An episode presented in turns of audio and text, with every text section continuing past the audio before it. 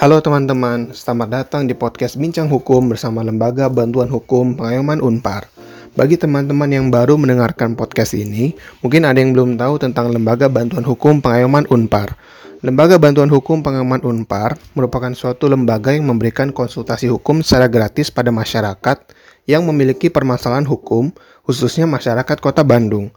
Selain itu, kami juga memiliki beberapa kegiatan rutin, yaitu penyuluhan hukum, pelatihan hukum, siaran radio, podcast, konseling hukum, serta rapat kerja tahunan.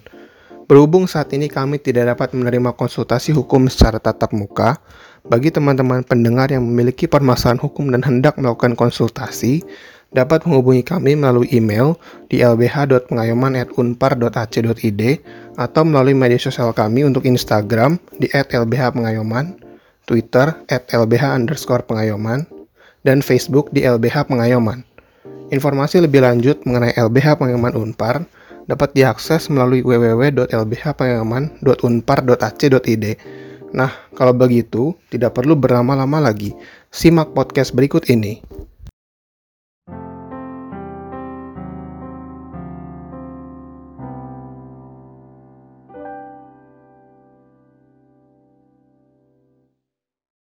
Halo para pendengar podcast, kembali lagi di podcast Bincang Hukum bersama Lembaga Bantuan Hukum Pengamantar.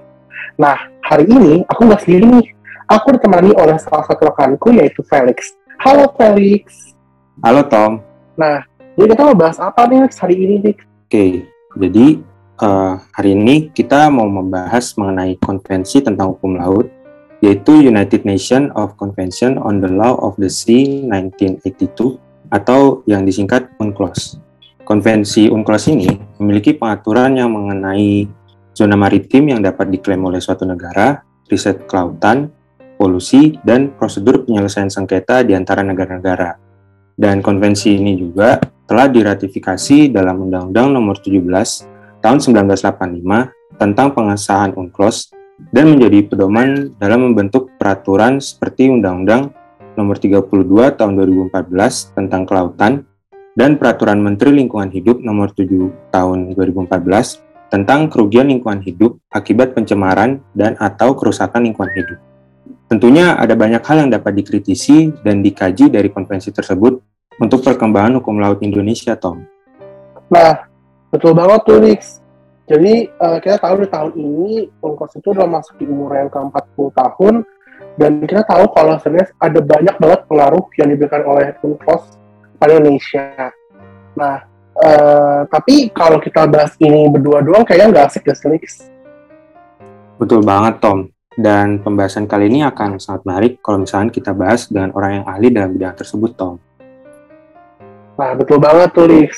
Jadi langsung aja nih, kita sambut salah satu dosen di Fakultas Hukum Universitas Katolik Parahyangan, yakni Bapak Adrianus Aditya Victor Ramon SH LLM yang mengajar mata kuliah uh, hukum laut, hukum organisasi nasional, dan hukum internasional. Halo Pak Ramon. Halo Pak Ramon. Halo, selamat malam Thomas, selamat malam Felix. Apa kabar? Halo, sehat Pak. semua?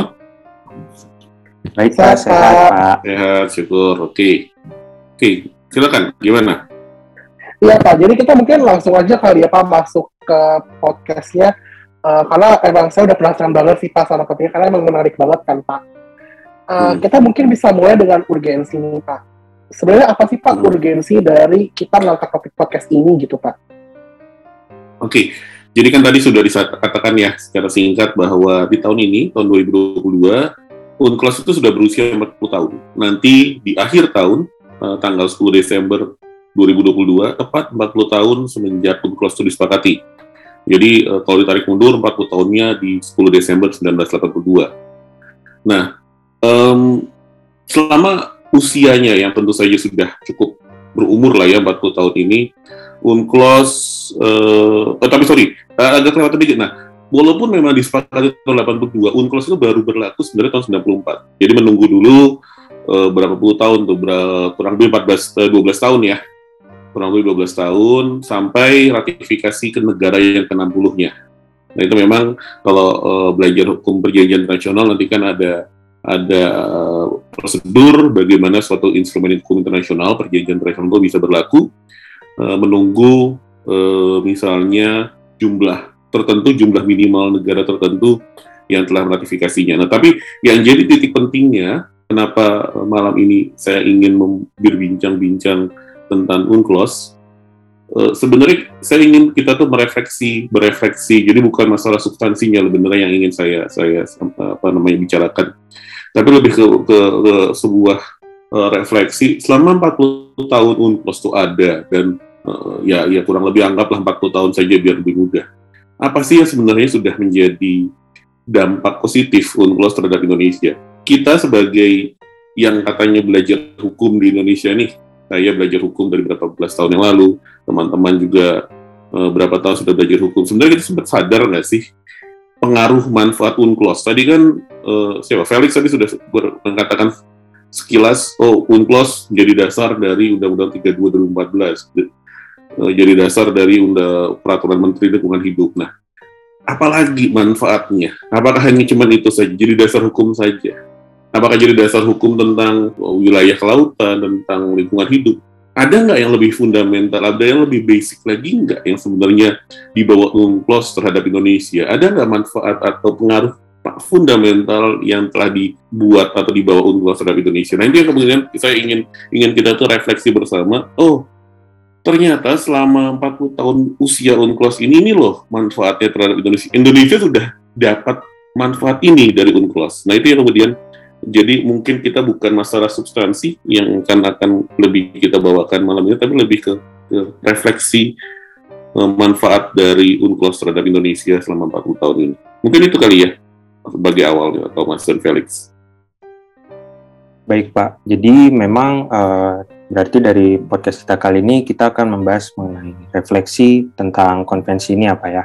Yep. Dan sepertinya menarik untuk membahas mengenai refleksi konvensi ini kalau kita membahas terlebih dahulu mengenai kondisi perairan Indonesia sebelum adanya konvensi ini, Pak. Jadi, yeah. uh, jadi saya ingin bertanya, Pak, bagaimana sejarah kondisi perairan Indonesia sejak tahun 1945 sampai akhirnya terbit konvensi UNCLOS ini, Pak? Oke, okay. nah, jadi jadi memang betul sekali ya, Felix. Kalau kita bicara tentang manfaat UNCLOS konvensi atau instrumen hukum internasional di bidang kelautan terhadap Indonesia di bidang kelautan, tentu kita harus lihat dulu eh, bagaimana sih kondisi kelautan Indonesia semenjak kita merdeka tahun 45, lalu nanti ada tahun-tahun tahun 57 misalnya, tahun 60, apa itu tahun-tahunnya nanti kita akan akan bahas sampai kemudian muncul UNCLOS tahun 82 dan kemudian UNCLOS berlaku di tahun 94 sampai saat ini tahun 2022. Nah, kita tahu bahwa eh, di awal kemerdekaan Indonesia atau bahkan untuk beberapa hal hingga tahun 2020 ini, 22 ini masih ada beberapa aturan peraturan perundang-undangan yang kita warisi dari uh, pemerintah Hindia Belanda. Ada yang beberapa syukurnya sudah diterjemahkan atau atau bukan beberapa tapi semuanya sudah diterjemahkan. Tapi tahun 45 masih ada beberapa yang masih betul-betul blok-blok berbahasa Belanda. Nah, Ternyata salah satunya yang kita warisi dari pemerintah Hindia Belanda itu ada suatu ordonansi atau undang-undang yang disebut sebagai Territorial Sea and Mar uh, Maritime Treaty Ordonansi 1939 dari Stadblad yang diatur dalam Stadblad nomor 442 tahun 1939. Itu dalam bahasa Indonesia TZMKO ini uh, bisa diterjemahkan sebagai ordonansi atau undang-undang laut teritorial dan peperangan laut, kurang lebih seperti itu um, apa sih yang yang jadi titik pentingnya uh, ordonansi itu? Ordonansi itu mengadopsi atau mengikuti suatu prinsip dalam hukum laut internasional yang menyatakan bahwa sebuah negara pantai, negara negara daratan lah negara pantai itu hanya bisa memiliki atau mengklaim laut teritorial di mana negara pantai punya kedaulatan maksimal lebarnya hanya 3 mil laut, 3 nautical miles, atau dalam bahasa sehari-hari 3 kali 1,852 km. Jadi 1 mil laut itu sama dengan 1,852 km. Sangat kecil, sangat sangat sangat sangat sangat pendek sebenarnya. Itu hanya kedaulatan hanya se selebar itu. Lalu kenapa 3 nautical miles? Tiga, kenapa 3 mil laut? Karena memang 3 mil laut itu sesuai dengan jarak tembak meriam pantai di abad tahun 17, abad ke-17 itu yang kemudian masuk menjadi prinsip hukum internasional yang disebut sebagai canon shot rules. Jadi wilayah eh, laut di mana negara bisa mengklaim kedaulatan hanya sejauh jarak tembak meriam pantainya. Pada waktu itu memang. Kalau sekarang pasti sudah jauh lebih lebih lebih lebar, lebih jauh lagi. Nah, tetapi angka 3 nautical mile atau 3 mil laut ini masih terus di bawah hingga kemudian diadopsi di tahun 39 oleh pemerintah Hindia Belanda. Nah, sialnya ini juga dia mau tidak mau diwarisi oleh pemerintah Indonesia tahun 45. Nah, jadi bayangkan kita merdeka tahun 45 dengan pulau-pulau kita yang saat ini kita ketahui ada jumlahnya ada 17.500 lebih pulau, tetapi wilayah kedaulatan Indonesia di tahun 45 itu hanya maksimal dari masing-masing pulaunya hanya kurang lebih 3,1852 km. Nah itu silakan yang punya kalkulator karena saya orang, orang IPS jadi saya nggak bisa ngitung dengan cepat. Tapi kurang lebih segitulah. Sangat uh, lebar itu sangat-sangat uh, pendek. Konsekuensinya apa? Kalau kita bayangkan Pulau Jawa dan Pulau Kalimantan di tengah-tengahnya, kalau yang coba ingat atau buka Google Maps silakan, itu ada Pulau Jawa, ada, ada Laut Jawa, ya kan? Ada Laut Jawa di antara Pulau Kalimantan dan Pulau Jawa. Nah, lebar Pulau Laut Jawa ini di antara Pulau Jawa dan Pulau Kalimantan itu jelas jauh lebih uh, besar daripada tiga kali 1,582 km. Nah, konsekuensinya apa? konsekuensinya sebagian besar Laut Jawa itu adalah laut bebas, laut internasional. Konsekuensinya adalah kapal-kapal perang asing bebas berlayar di situ. Itu bukan wilayah kedaulatan Indonesia. Banyak resiko dari segi keamanan, dari segi kita nggak usah bicara tentang yang ngeri-ngeri dulu ya keamanan perang segala macam enggak lah. Kita bicara tentang simply nelayan Indonesia boleh nggak atau kita akan bersaing, bisa bersaing nggak menangkap ikan di Laut Jawa pada waktu itu dengan nelayan-nelayan dari negara lain yang kalau ngikutin prinsip hukum internasional itu bebas di, di apa ikannya ditangkap karena memang itu laut bebas. Nah, ini ini ini menjadi persoalan di dekade awal kemerdekaan Indonesia tahun 1945 sampai tahun 1950-an. Apalagi tahun 50-an kita tahu dalam sejarah Indonesia ada banyak sekali pemberontakan-pemberontakan daerah yang di mana salah satunya juga juga di Tengarai ada keterlibatan asing dan kemudian ada armada kapal perang asing yang yang tanda kutip parkir nggak jauh dari uh, lepas pantai Indonesia pada waktu itu tahun pertengahan tahun 50-an. Nah, pemerintah Indonesia uh, pada waktu itu masih dalam sistem parlementer tentu saja tidak tidak tinggal diam ya. Perdana, dimulai semenjak uh, masa Perdana Menteri Ali Sastro pada waktu itu. Ini ini ingat kita masih pakai Perdana Menteri waktu itu akhirnya sudah memulai upaya untuk memperbaiki. Pemerintah sudah sadar bahwa TZMKU ini sudah tidak relevan lagi dengan kondisi, tapi nggak bisa ngapa-ngapain. Kenapa? Karena hukum internasional mengatakan demikian.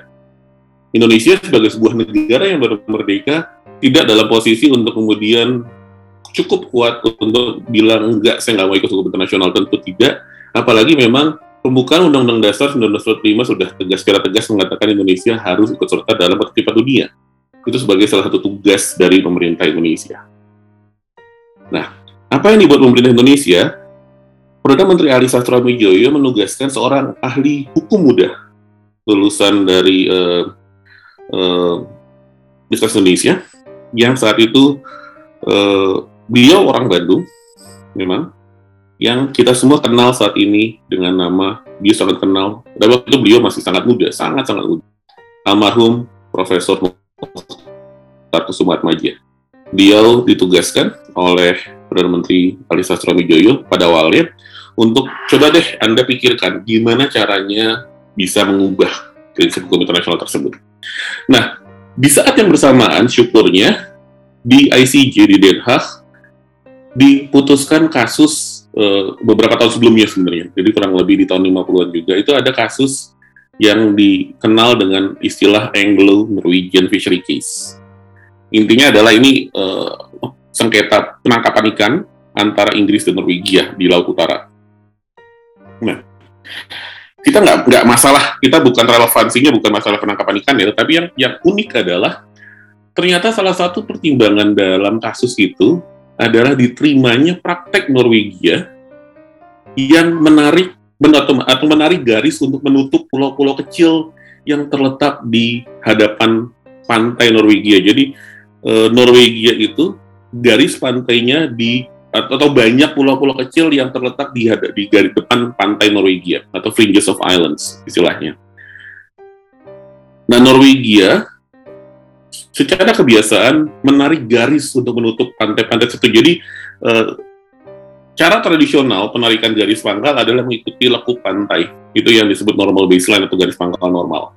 Nah Norwegia karena kondisi khusus geografinya dengan banyak pulau nggak bisa menarik garis pangkal normal. Yang, yang dilakukan Norwegia adalah ya sudahlah tutup aja garis lurus gitu, tutup aja semua. Dengan, jadi dia bikin garis pangkal lurus aja instead of atau daripada dia mengikuti garis lekuk normal garis pantainya. Nah ternyata praktek Norwegia menarik garis lurus ini diterima oleh ICJ oleh Mahkamah Internasional. And then praktek Norwegia ini kemudian mengilhami Prof. Mokhtar, almarhum Prof. Mokhtar untuk kalau Norwegia bisa menarik garis, menutup pulau-pulaunya, why not Indonesia? Oke, memang Indonesia bukan pulau-pulau kecil, kita pulaunya gede-gede semua. Tapi metode yang sama itu mengilhami beliau untuk menutup menarik garis untuk menutup pulau-pulau Indonesia. Nah, sehingga tadi yang kalau misalnya luas laut teritorial itu hanya 3 mil laut dari masing-masing pulau ini sekarang enggak. Ditutuplah titik-titik dari pulau dan karang terluar Republik Indonesia. Jadi dari ujung-ujung pulaunya itu ditutup. Nah, ini yang kemudian perairan di dalamnya itu menjadi perairan kedaulatan Indonesia. Artinya apa? Wilayah Indonesia berlipat ganda. Wilayah Indonesia menjadi empat kali lipat lebih luas. Itu bikin happy orang enggak lah. Banyak banyak negara langsung marah-marah ke kita. Apalagi, nah tadi saya kelewatan bahwa ide Prof. Mukhtar ini kemudian dilaporkan pada pemerintah. Pada waktu itu pemerintahnya sudah berganti dan uh, Perdana Menterinya menjadi Perdana Menteri Juanda Nah, kalau yang kita di Bandung kita tahu bahwa ada Jalan Juanda, Jalan Dago, Jalan Juanda. Nah, beliau adalah Perdana Menteri yang kemudian mendeklarasikan secara politik ide dari Prof. Mukhtar untuk menutup pulau-pulau e, Indonesia dengan garis yang kita kenal dengan istilah deklarasi Juanda tanggal 13 Desember 1957. Nah, jadi memang bulan Desember itu bulan yang cukup cukup apa ya bersejarah bagi hukum laut nanti mudah-mudahan kita juga bisa membuat suatu kegiatan memperingati nilai eh, nilai-nilai besar ini, hari-hari besar ini di bulan Desember 2022 nantinya.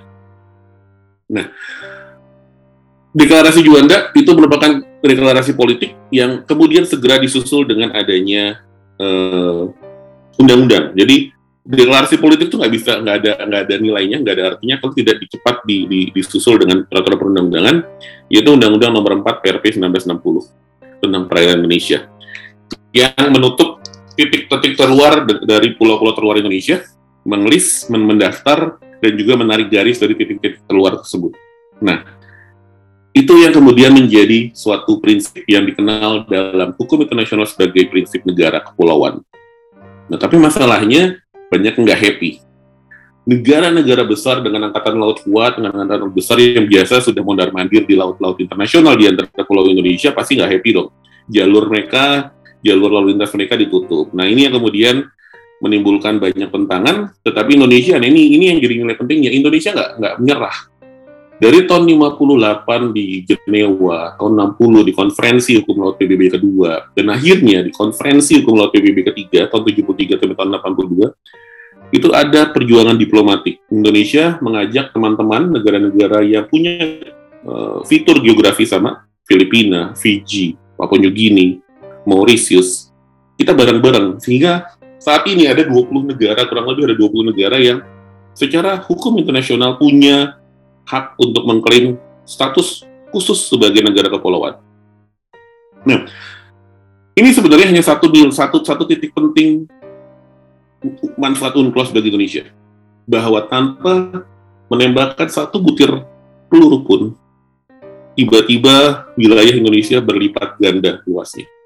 Yang tadinya itu adalah laut lepas, laut internasional, kemudian diterima oleh UNCLOS, masuk sebagai bagian hukum internasional menjadi suatu wilayah kedaulatan Indonesia. Tentu saja betul memang uh, kita tidak bisa di, di, di uh, apa namanya dipungkiri memang unclos nantilah kita mungkin akan akan lihatnya memang kok kelihatannya apakah unclos itu sempurna? Ya enggak juga nantilah pada saatnya. Tapi kurang lebih ini adalah adalah sejarah kurang lebih nilai penting UNCLOS bagi Indonesia. Salah satu nilai penting. Saya hanya katakan ini salah satu nilai penting. Tapi buat saya ini salah satu nilai penting yang utama. Bahwa Indonesia eh, bukan menentang arus hukum internasional, bukan menentang ketentuan hukum internasional, tapi Indonesia berupaya menciptakan prinsip hukum internasional baru. Tidak gampang, luar biasa susah, tapi ternyata berhasil setelah perjuangan beberapa puluh tahun. Jadi mungkin itu Felix. Jadi itu itu cerita tentang kondisi perairan Indonesia dengan UNCLOS katanya. Bagaimana kemudian UNCLOS uh, yang tadi saya bilang kita butuh berefleksi, kita butuh melihat manfaat penting UNCLOS terhadap Indonesia itu apa. Ternyata salah satunya atau mungkin yang saya bilang adalah utamanya adalah itu. Kita berhasil berlipat ganda empat kali lipat dalam sekejap kita ya kalau, kalau ini dalam dalam kacamata hukum internasional ya uh, Indonesia baru kemudian menjelma menjadi negara kepulauan dengan adanya UNCLOS. Sebelumnya tadinya Laut Jawa itu secara resmi itu adalah masih laut internasional. Gitu. Secara resmi paling tidak, secara hukum internasional. Walaupun secara domestik dengan Undang-Undang 4 PRP 60 kita sudah mengakuinya itu adalah undang-undang itu adalah wilayah Indonesia. Tapi itu adalah klaim unilateral. Ya, oke okay, Pak. Berarti kalau gitu ada kondisi Indonesia dari tahun 1945 itu berarti dimulai dengan diterapkannya itu ya ketentuan dari Hindia Belanda ya, yaitu uh, eh, TZMKO itu yang kemudian dilanjutkan juga dengan deklarasi Juanda dan hingga sampai pada uh, munculnya UNCLOS yang menyebabkan uh, luas Indonesia bertambah sampai tiga kali lipat gitu ya Pak ya? Kurang lebih seperti itu. Secara singkat. Kurang lebih ya, seperti itu, ya. Oke Pak. Kalau gitu mungkin gini ya Pak, karena dari tadi kita udah sempat sebut-sebut tentang unclos gitu Pak. Kita mungkin perlu tahu dulu kan ya Pak, sebenarnya apa sih Pak unclos itu dan hmm. mungkin bisa ditahu juga dengan bagaimana sejarahnya dan ya. apa peran Indonesia dalam unclos gitu Pak. Oke, okay. nah unclos itu merupakan suatu instrumen hukum internasional yang disepakati tahun 82, 10 Desember 1982. Nah, uh, isu utama yang diatur dalam UNCLOS ini adalah tentang laut, tentang sea. Tetapi UNCLOS bukanlah instrumen hukum internasional pertama yang mengatur tentang kelautan. Nah, kalau kita tarik ke belakang sejarah lagi nih, saya suka sejarah memang, jadi saya agak hafal. Nah, um, upaya masyarakat internasional untuk membuat suatu instrumen hukum internasional di bidang kelautan itu sudah dimulai tahun 1930. Nah, waktu tahun 30 ini uh, organisasi internasional belum ada PBB, yang ada baru Liga Bangsa-Bangsa, League of Nations. League of Nations tahun 30 itu menyelenggarakan apa yang disebut sebagai Codification Conference. Apa itu Codification Conference? League of Nations, Liga Bangsa-Bangsa, sadar tahun 30 itu ada banyak hukum internasional yang sifatnya hanya atau baru merupakan hukum kebiasaan internasional. Nah ini kita ingat lagi, kalau kita belajar hukum internasional, ada yang sifatnya itu tidak tertulis, tetapi hanya merupakan praktek-praktek negara yang dianggap hukum oleh negara-negara. Itu yang disebut sebagai customary international law atau hukum kebiasaan internasional. Dia tidak tertulis permasalahannya. Nah, Liga Bangsa-Bangsa ingin agar uh, eh, CIL ini atau Customary International Hukum Biasa Internasional ini dikodifikasi menjadi sebuah instrumen hukum internasional tertulis. Nah, salah satu bidang yang dibayangkan untuk dikodifikasi oleh League of Nations adalah tenti bidang laut ini. League of Nations melihat memang ada banyak hukum kebiasaan internasional di bidang kelautan, dan kelihatannya memang uh, League of Nations bilang ini memang dibutuhkan untuk dikodifikasi. Nah, lalu dibuatlah Codification Conference 30 gagal, terlalu banyak yang mau dibahas, dari mulai lebar laut teritorial, dari A sampai Z lah, itu gagal Lalu ada perang dunia kedua, ya tentu saja orang udah nggak mikirin tentang tentang hukum internasional, udah orang orang apa namanya sudah berpikir tentang survival dari negaranya. Lalu akhirnya muncul PBB dan uh, hasil kerja League of Nations tahun 30 ini diambil alih oleh International Law Commission, uh, Commission ILC dan akhirnya juga kemudian yang menyelenggarakan suatu codification conference yang disebut sebagai uh, eh, UN Conference on the Law of the Sea. Nah, ini pertama kali dilaksanakan di Jenewa tahun 58 eh, dibuat empat conference, eh, sorry, konvensi di situ. Jadi di tahun 58 sudah ada empat konvensi di bidang hukum laut. Nah, konvensi apa saja? Konvensi laut bebas, konvensi tentang landas kontinen, konvensi tentang perikanan, dan konvensi tentang laut teritorial dan zona tambahan. Nah, lalu mungkin muncul pertanyaan kalau gitu kenapa nggak pakai itu aja sekarang? Kenapa harus ada UNCLOS 82? Nah, permasalahannya, empat konvensi di tahun 58 ini gagal untuk menentukan satu hal paling penting yang menjadi uh, apa ya bisa istilahnya one million dollar questions-nya lah. Apa isu itu yang gagal? Isu yang gagal diputuskan di tahun 58 adalah berapa sih lebar maksimal laut teritorial yang bisa diklaim oleh negara pantai. Kenapa ini jadi penting? Karena di laut teritorial lah negara pantai punya kedaulatan. Nah ini gagal untuk diputuskan di konvensi 58. Nah yang terjadi adalah ada negara-negara yang menggunakan angka 3 nautical miles dengan canon shot rules. Ada negara-negara yang seperti Indonesia naik ke 12. Kenapa 12? I don't know. Banyak yang bilang ada A, Z, B, tapi intinya 12. Ada yang 200. Negara-negara Amerika Latin luar biasa bilang, saya mau 200. Entah gimana cara mereka mengenforce itu, gimana caranya mereka patroli itu. Bahkan mereka punya angkatan laut aja enggak waktu itu. Nah, perbedaan angka ini 3, 12, ada yang 20, ada yang 24, ada yang 60, ada yang akhirnya 200. Ini kemudian uh, mendorong akhirnya yaudah kalau memang kita gagal sekarang kita bikin lagi nanti tahun, 5, tahun 60. Tahun 60 malah yang diperbaikin adalah tentang perikanan. Nah, akhirnya muncullah negara-negara sepakat untuk membuat menyelenggarakan konferensi hukum laut PBB yang ketiga di tahun 73 sampai tahun 82. Nah, berbeda tahun 58 yang hanya dilaksanakan di Jenewa, di Swiss saja, di satu kota. Nah, yang konferensi ketiga ini pindah-pindah, karena memang waktunya 9 tahun, sangat lama. Pindah-pindah.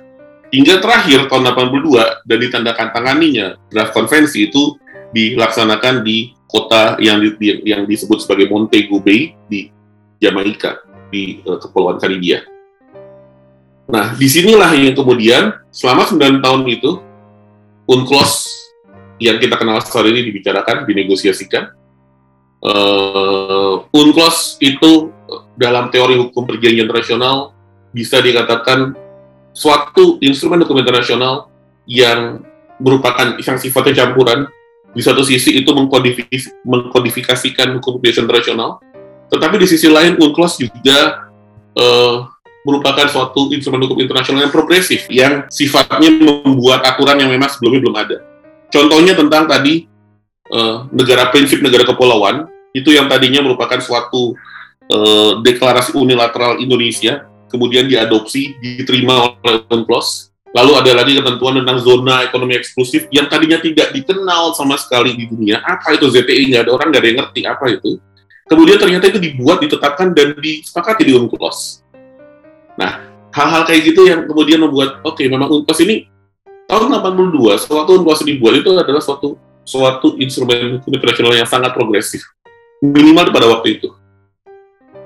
Dan untuk beberapa hal bisa dikatakan salah satu instrumen hukum internasional yang terrumit bisa saya katakan misalnya salah satunya adalah di bidang uh, prosedur penyelesaian sengketanya di part 15 UNCLOS memiliki salah satu prosedur penyelesaian sengketa yang paling rumit di dalam instrumen hukum internasional apa pun, karena dia layering bertingkat-tingkat.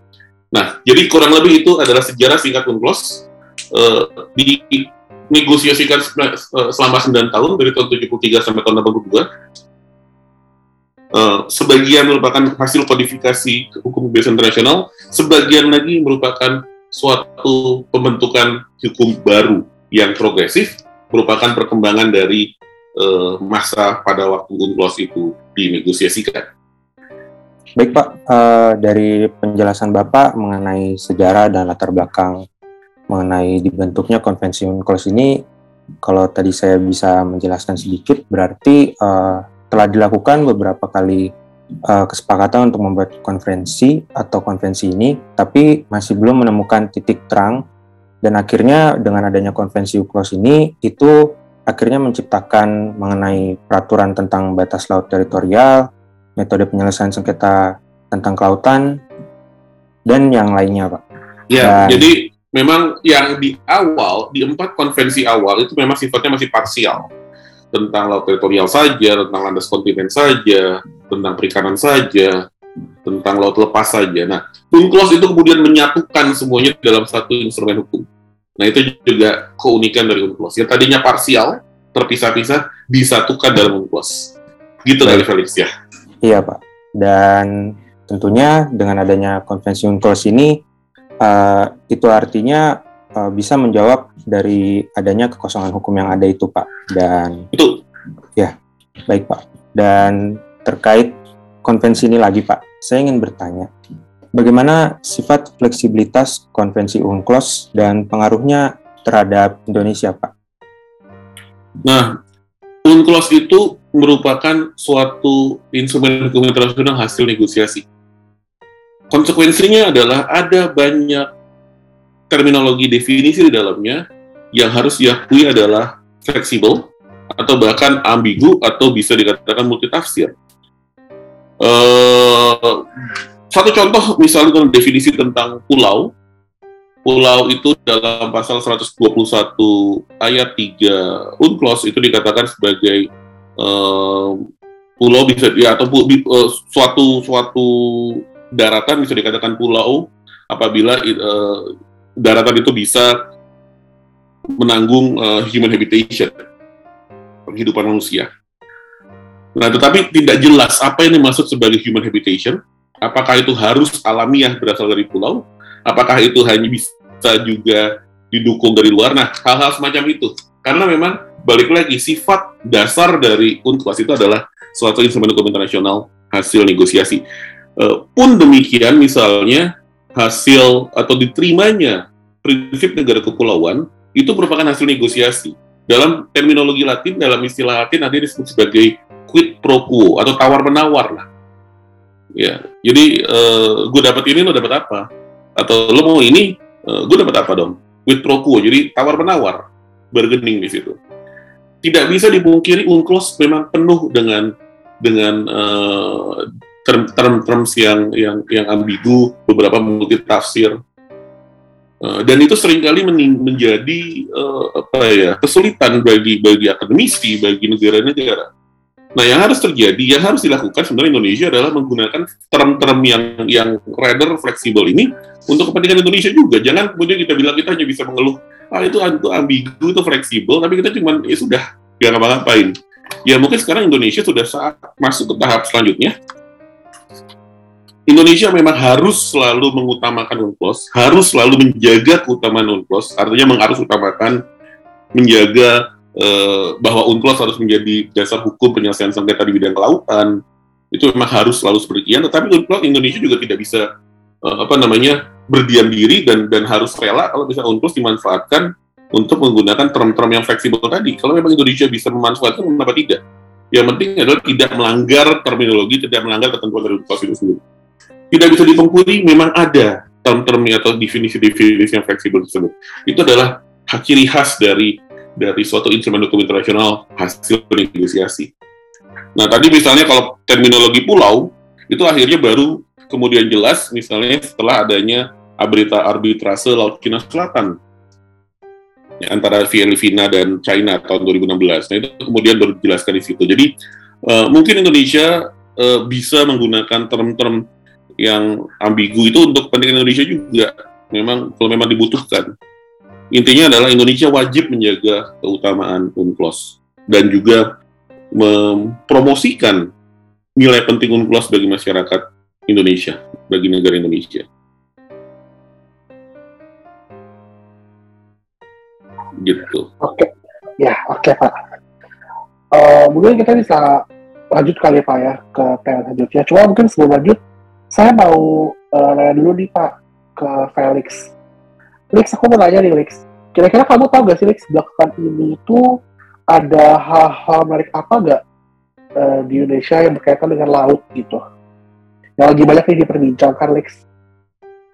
Nah, uh, setahu aku ya Tom, yang sedang ramai diperbincangkan itu seperti kondisi Laut Cina Selatan dan habis itu ada perjanjian antara Indonesia dengan Singapura, Tom.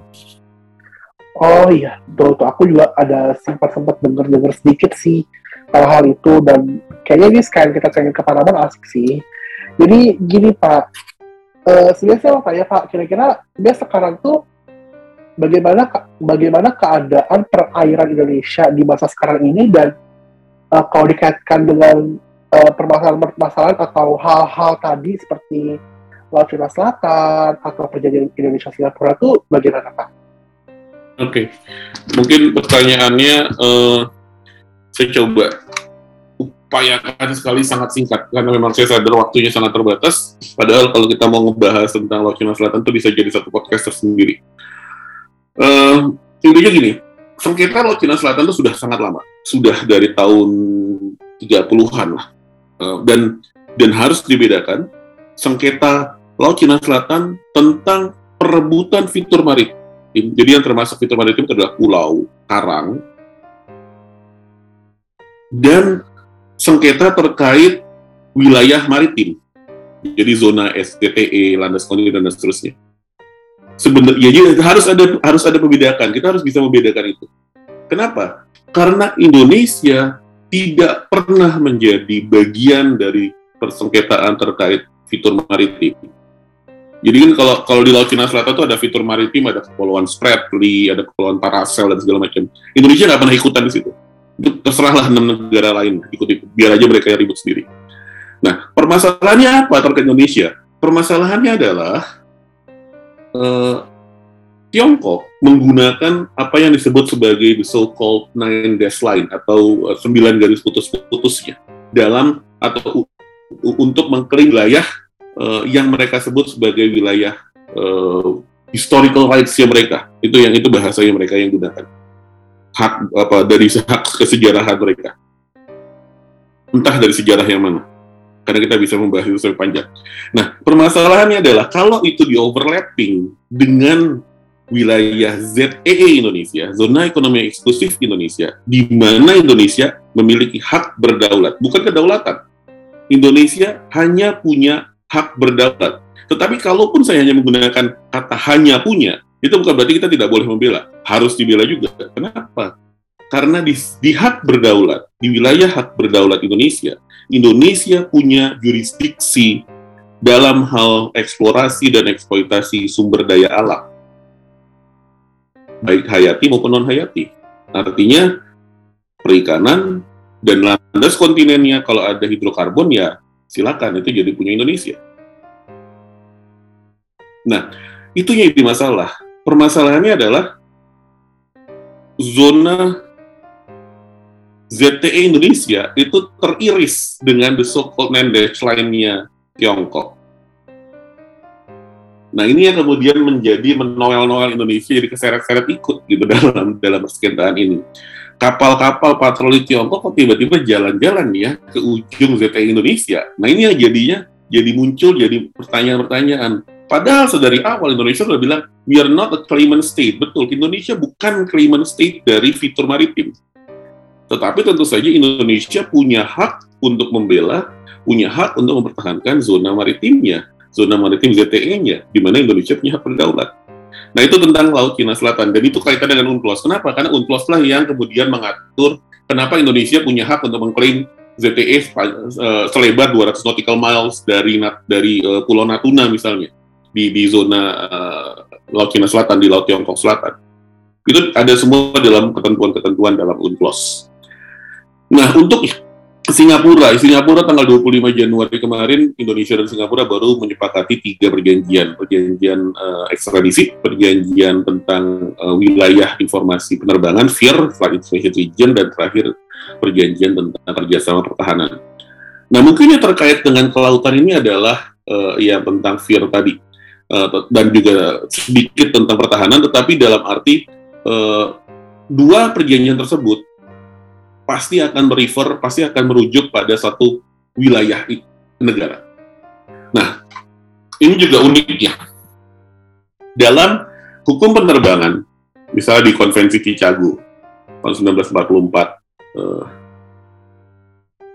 itu ternyata tetap merujuk ya jadi ini juga ini dikonfirmasi oleh organisasi penerbangan sipil dunia ICAO wilayah kedaulatan negara itu batasnya ada di mana itu merujuk pada ketentuan UNCLOS. Kenapa? Karena konvensi uh, penerbangan sipil internasional Chicago Convention 44 dan termasuk perjanjian perbatasan, perjanjian uh, pertahanan, kerjasama pertahanan maupun uh, wilayah informasi penerbangan itu tetap merujuk pada uh, suatu wilayah negara tertentu yang sebenarnya kalau mau di, di ditelaah lebih lanjut kita tahu loh wilayah kedaulatan negara itu adalah daratan negara plus laut teritorial negara tersebut, ya kan? Itu adalah wilayah kedaulatan negara. Nah, permasalahannya kita tahu wilayah kedaulatan negara itu adanya di mana atau bolehnya seluas apa? Kita tahu dalam UNCLOS itu adalah 12 nautical miles. Ya tadi kita tahunya, oh ternyata wilayah kedaulatan negara itu adalah daratan plus laut teritorial itu kan ada di UNCLOS. Nah itu jadi peran penting UNCLOS ternyata bukan hanya digunakan dalam hukum laut saja saat ini, tetapi ternyata sudah sudah menjadi bagi hukum internasional secara umum. Bahkan untuk bidang-bidang ilmu, bidang-bidang hukum lain yang mungkin tidak terlalu dekat ya lah hukum udara kan pasti akan tidak tidak apa namanya ya bukan bukan bukan mengatur secara langsung lautan. Jadi itu mungkin mungkin kalau tentang tentang uh, Singapura. Nah, tapi tadi yang yang sebenarnya kita bisa bisa menggali lebih lanjut lagi kalau mau ngobrol misalnya tentang Laut Cina Selatan mungkin nanti ada harus ada waktu khusus lagi lah mungkin di akhir tahun mungkin mendekati apa peringatan UNCLOS Nah, mungkin kalau misalnya nanti di, di apa namanya dibutuhkan, diinginkan, mungkin kita bisa mengagendakan lagi tentang apa sih laut, laut Cina Selatan ini, kenapa jadi ribut-ribut terus? Uh, karena waktunya jelas tidak akan cukup kalau kita mau bahas panjang lebar saat ini. Baik Pak, uh, perbincangan kita kali ini sangat menarik ya Pak ya. Dari poin-poin yang saya dapat dari penjelasan Bapak tadi adalah bahwa kondisi perairan Indonesia yang saat ini ada kaitannya dengan uh, laut ke, tentang Laut Cina Selatan dan Perjanjian Indonesia Singapura ternyata ada kaitannya juga dengan konvensi UNCLOS ini di mana konvensi ini dijadikan rujukan dan menjadi hukum kebiasaan internasional mengenai laut uh, dalam membentuk uh, perjanjian tersebut dan penyelesaian permasalahan tersebut dan hmm. dari perbincangan kali ini juga saya juga mendapatkan banyak pemahaman baru tentang konvensi UNCLOS Pak. Nah, baik Pak, uh, dari Bapak apakah ada closing statement untuk menutup perbincangan podcast kita kali ini Pak? Ya, jadi uh, sebenarnya ide besar kenapa saya mengambil tema ini adalah saya ingin sebenarnya lebih banyak lagi uh, masyarakat umum maupun terutama mahasiswa hukum yang uh, aware. Belum tentu mereka harus harus mempelajari secara detail, tapi minimal aware lah. Paham, bukan nggak usah paham, tapi minimal tahu betapa UNCLOS itu atau peran penting UNCLOS bagi Indonesia, manfaat penting UNCLOS terhadap Indonesia dan sebagai negara kepulauan terbesar di dunia dengan 17.510 lebih, kelihatannya sudah saatnya deh kita itu baik kita mau belajar hukum internasional atau hukum pidana atau atau kalau saya boleh nanya Felix apa angkatan berapa? Saya angkatan 2018 pak. 18 udah udah udah seminar kan? Ya baru selesai seminar pak. Baru selesai seminar topikmu apa? Uh, topik saya mengenai hukum perusahaan, Pak. Nah, nggak apa-apa. Maksudnya, ya Felix tidak belajar hukum internasional, proses hukum laut secara fokus, secara khusus nggak apa-apa. Tapi minimal dengan adanya podcast ini, Felix jadi kalau misalnya ada berita tentang Laut Cina Selatan, tentang ada berita tentang UNCLOS, ya nggak nggak bengong-bengong banget. Betul, itu sebenarnya saya saya ingin ingin itu yang kemudian Eh, kita sebagai negara kepulauan terbesar di dunia kita punya tanggung jawab loh. Kita punya tanggung jawab terhadap almarhum Prof. Mokhtar, kita punya tanggung jawab terhadap terhadap mereka yang sudah berjuang selama berapa puluh tahun memberikan wilayah melipat gandakan wilayah Indonesia. Kita kita dan itu terjadi semua di di di Bandung gitu. Mungkin mungkin teman-teman belum ada yang nggak paham uh, kita pernah Felix dan Thomas uh, siapa Putri dan dan uh, siapa Gloria pernah belajar hukum internasional kan ya masih ingat nggak buku yang dipakai Pernah, buku pernah. Iya, buku yang dipakai kan buku, buku Prof. Mokhtar dan satu lagi. Itu penulis buku, bukunya warna biru. Ada ingat nggak penulis keduanya siapa? Aduh, ada nggak ingat Saya, semua. saya nggak ingat Pak. Ada yang Saya ingat, ingat ingat, bukunya warna biru. tapi ingat bukunya Ingat Saya ingat bukunya warna Ingat. biru. Pak. Warna biru. Nah, itu kan yang menulis penulis pertamanya adalah Prof. Mokhtar, ya kan? Nah, penulis keduanya itu adalah Profesor Eti Agus. Kalian nggak sadar, Profesi Eti Agus, itu- Profesor Eti Agus itu adalah senior kita, senior Kevlar Unpar. Beliau memang profesoratnya guru besar dari Pajajaran, tapi beliau adalah sarjana hukumnya dari Parahyangan. Dan beliau juga adalah begawan. Beliau adalah apa ya bilang master lah hukum laut. Jadi sekarang hukum laut itu setelah Prof Mokhtar nggak ada, tinggal Prof Eti, Prof Hasim Jalal nggak nggak banyak. Dan itu kita harus harus bangga, itu kita harus sadar, itu kita harus tahu. Jadi itu sih kita saya ingin menyadarkan, men- men- menyebarluaskan, mempromosikan pengetahuan tentang hukum laut. Terima kasih. Eh, baik Pak, terima kasih untuk closing statement-nya untuk podcast kali ini. Jadi eh, saya ingin mengucapkan terima kasih kepada Bapak atas kesediaan waktunya sebagai narasumber pada podcast kali ini Pak. Terima kasih, terima kasih sekali. Baik Pak, Eh, saya juga mau berterima kasih kepada Thomas yang sudah menjadi rekan MC-ku pada kali ini. Terima kasih Thomas. Sama-sama, Lex. Terima kasih juga. Terima kasih juga, Pak Ramon. Terima kasih. Thank you for having me. Thank you. Terima kasih. Baik, baik Pak. Baik para pendengar, demikian podcast kali ini. Nantikan podcast selanjutnya. Sampai jumpa. Salam sehat. Salam sehat. Thank you semua. Terima kasih.